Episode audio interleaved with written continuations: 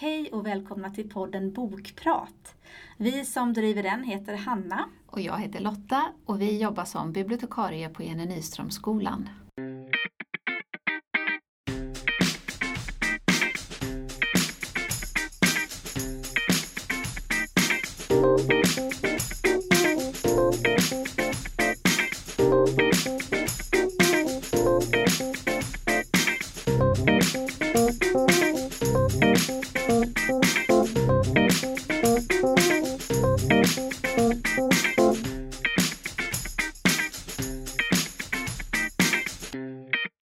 Hej och välkomna till eh, sista avsnittet innan läslovet. Precis. Nu ska vi tipsa om lite bra böcker som man kanske kan låna med sig till lovet. Precis, Ja. vi hoppas ju att alla läser någonting under just läslovet. Det kallades ju höstlov förr men nu är det faktiskt nu är det läslov. Ja. Ska du börja? Du har eh, läst en ungdomsbok. Precis, som är väldigt aktuell och den här är inte liksom tokny men den har blivit allt mer aktuell kan man väl säga med anledning av vad som händer i USA. Eh, och det är, då tänker jag på den här Black Lives Matter rörelsen. Eh, och det här är boken The Hate You Give av Angie Thomas.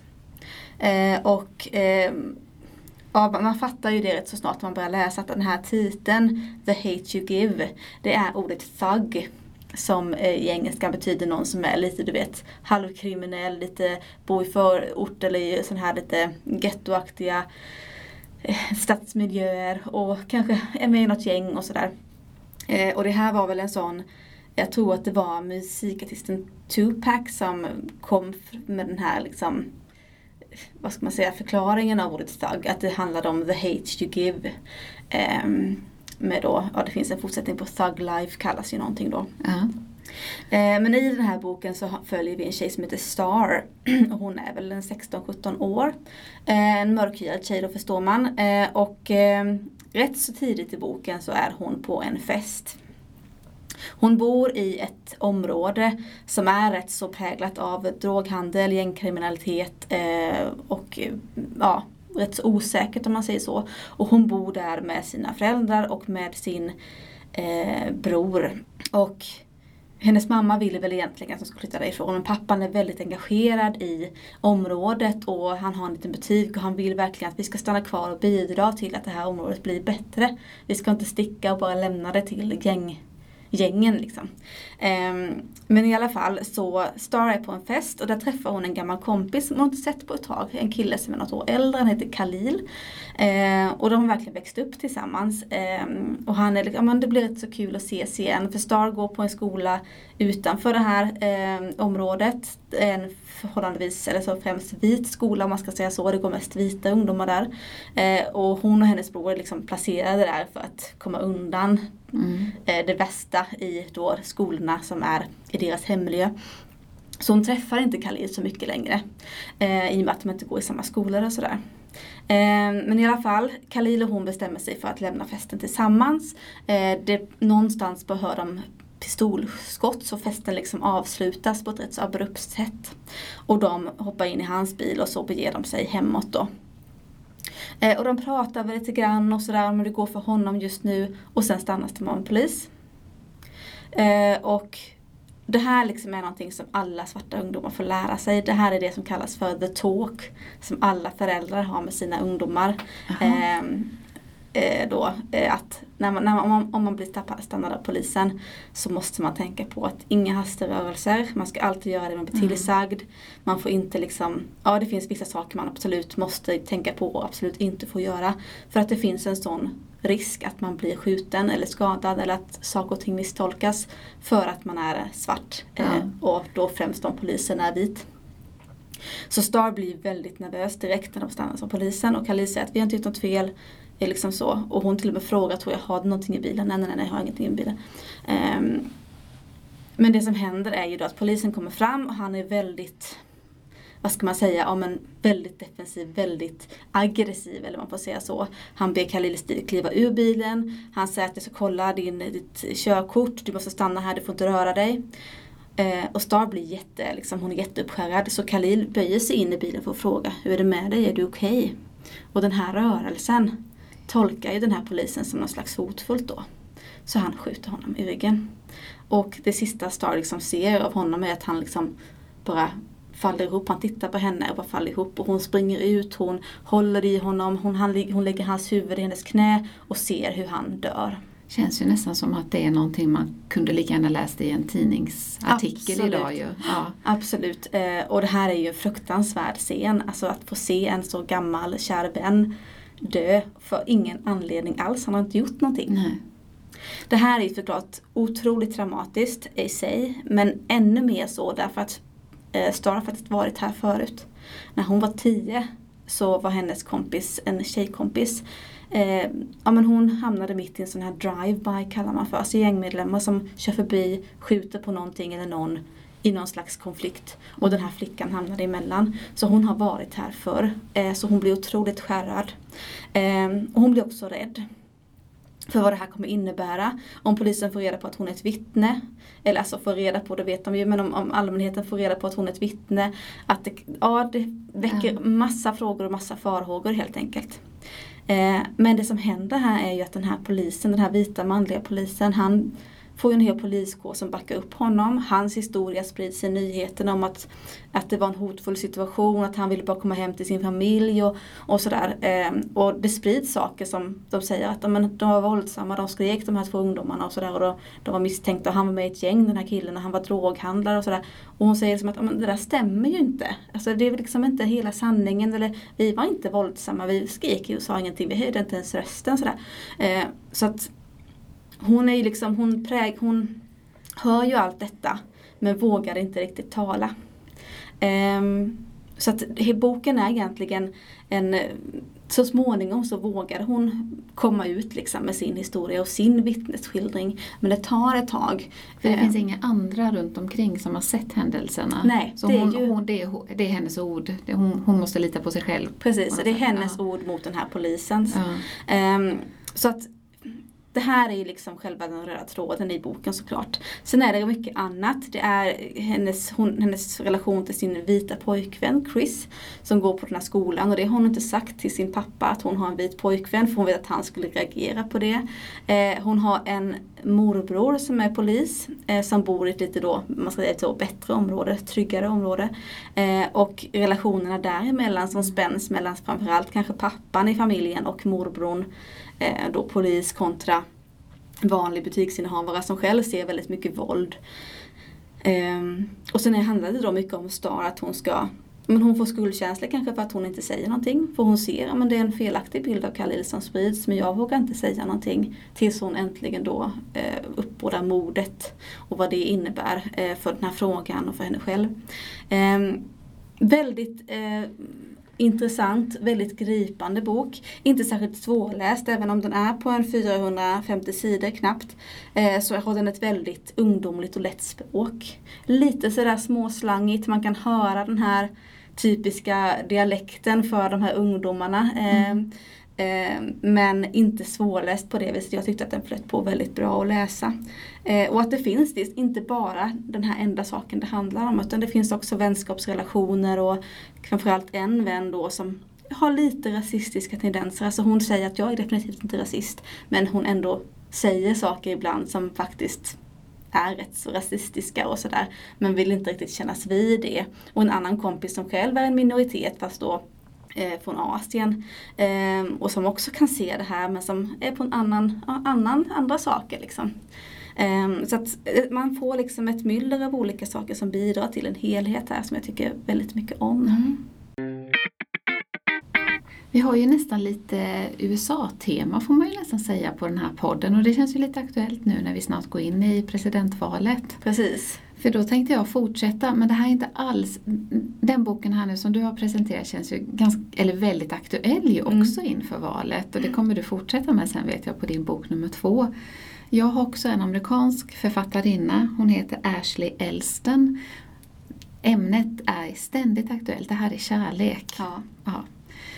Det är en riktig feel good roman för ungdomar. Det är en ungdomsroman. Den heter Tio underbara, härliga, hemska dejter. Jag tänkte det, att det där känns väl ändå som en feel bok Riktigt feel good. Det handlar om den här flickan, eh, hon heter Sophie. Eh, det är sydstats jag vet inte riktigt vilken stat det är, men det, det är sydstaterna någonstans. Hon kommer från en, en eh, härlig släkt. Eh, hennes mamma har åtta syskon, eller de är åtta syskon totalt. Så det är mostrar och farbröder och kusiner och mormor och morfar. Allting bara svämmar över. Och det är kanske det som gör boken lite svårläst för det är så namedropping. Det är så otroligt många karaktärer som kommer in, studsar in och ut. Men jag tror faktiskt, eller så läste jag boken, att man behöver inte fästa sig vid alla namn utan man lär sig huvudkaraktärerna och så får de andra bara liksom finnas där lite i periferin. Men det var lite svårt att liksom, lite greppa boken tyckte jag från början. Eh, annars är handlingen ganska härlig. Hon, eh, det, det, är jullov, hon ska gå på en sista fest innan hon ska åka till sin mormor och morfar. Och på den här festen så är hennes pojkvän och då kommer hon lite sent till festen och ska överraska honom. Eh, men istället för en överraskning så överhör hon honom prata med en annan kompis att han vill göra slut med henne. Oj. Så så börjar jullovet, den besvikelsen. Och för att muntra upp henne så bestämmer hennes tokiga, röriga och massor folk av till släktingar att vi ska sätta upp dejter. Så den här stackars Sofie, hon är 17 år, hon går sista året på high school. Hon ska gå på tio dejter under jullovet. Eh, blind date som hennes tokiga familjemedlemmar eh, presenterar för henne. Och det är alla möjliga. En del är häftiga. Det är någon underjordisk fest där det liksom servitörerna och servitriserna hänger i snören från, från eh, ja, taket. Och det ligger någon nästan ja, lite så halvnaken servitris med mat på kroppen. Och, ja, eh, så här, väldigt speciell. Eh, en annan dejt eh, som hennes elaka moster Patricia eh, gör till henne, då ska hon vara, vara med i ett julspel. Och dejten är ett, en tre år yngre kille som spelar typ Josef och hon ska spela Maria. Okay. Och, det är en, och hon får en skrikande unge som ska vara Jesusbarnet och en get äter på hennes kläder. Det är så lite toklustigt. Mm. Någon eh, dejt är på någon hockeymatch och någon är på någon drive-through bio som råkar vara ja, inte en så lämplig film. Så hon går på alla dessa dejter och så är också boken upplagd så varje dejt har ett kapitel. Mm. Så på det sättet är det ju en ganska lätt bok att följa sådär. Just det.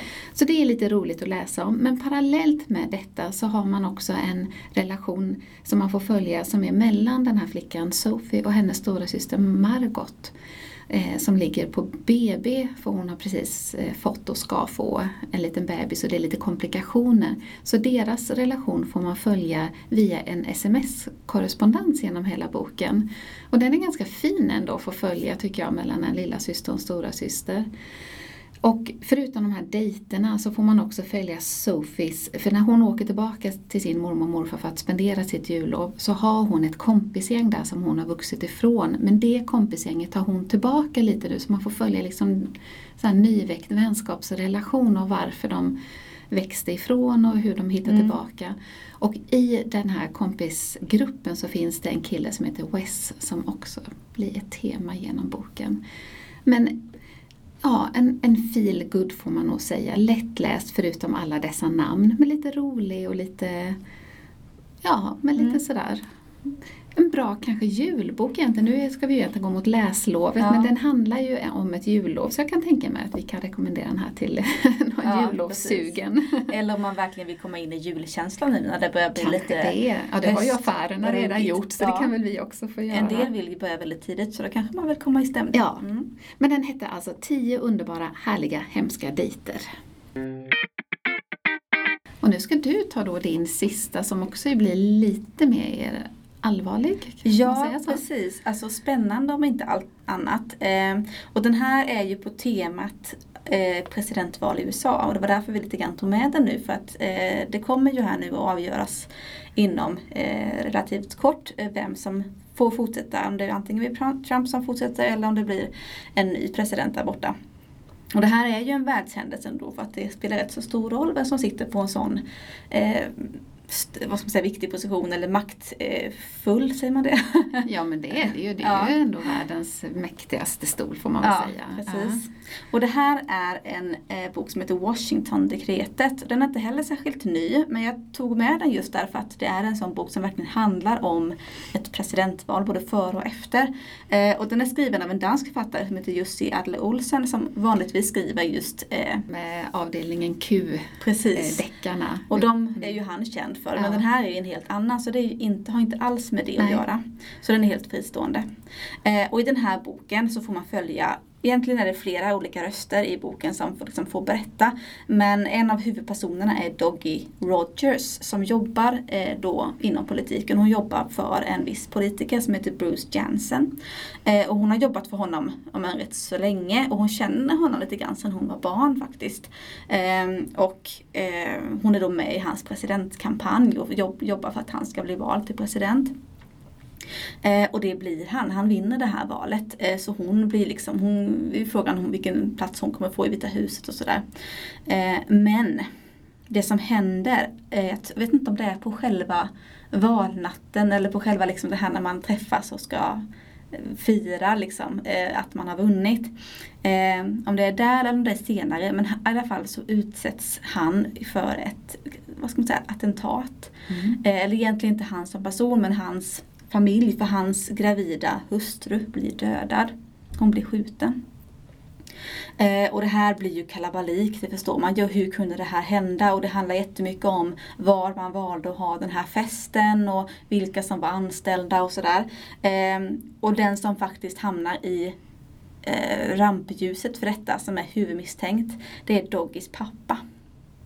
Oj. Ja, väldigt Jaha. så. Så hon hamnar ju i en jätteprekär situation. Eh, hon vet inte vad hon ska tro. Hennes pappa är lite dodgy, liksom. han är lite, ja, lite hackigt förflutet och sådär. Eh, men i alla fall så börjar hon förstå att det ligger ju någonting bakom detta. Eh, det finns ja, men lite grann som att det är någon slags komplott. Så hon börjar gräva i detta.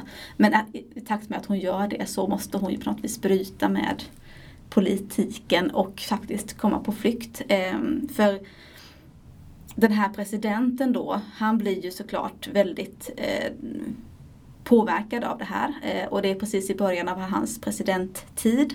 Eh, så han börjar in, eh, implementera en massa olika politiska eh, förslag som är rätt så extrema. Det handlar om vapen, alltså den väldigt högt hållna vapenlagen i USA. Det handlar om hur man, eh, hur man, att man släpper ut kriminella att jobba på gatorna. Att, att det är väldigt extrema förslag. Det handlar om utegångsförbud och alltså väldigt, eh, ja, sådana saker som man tänker att men det där kan han inte få igenom. Men hur man får liksom se hur han bearbetar sitt närmaste kabinett eller så för att få igenom de här sakerna.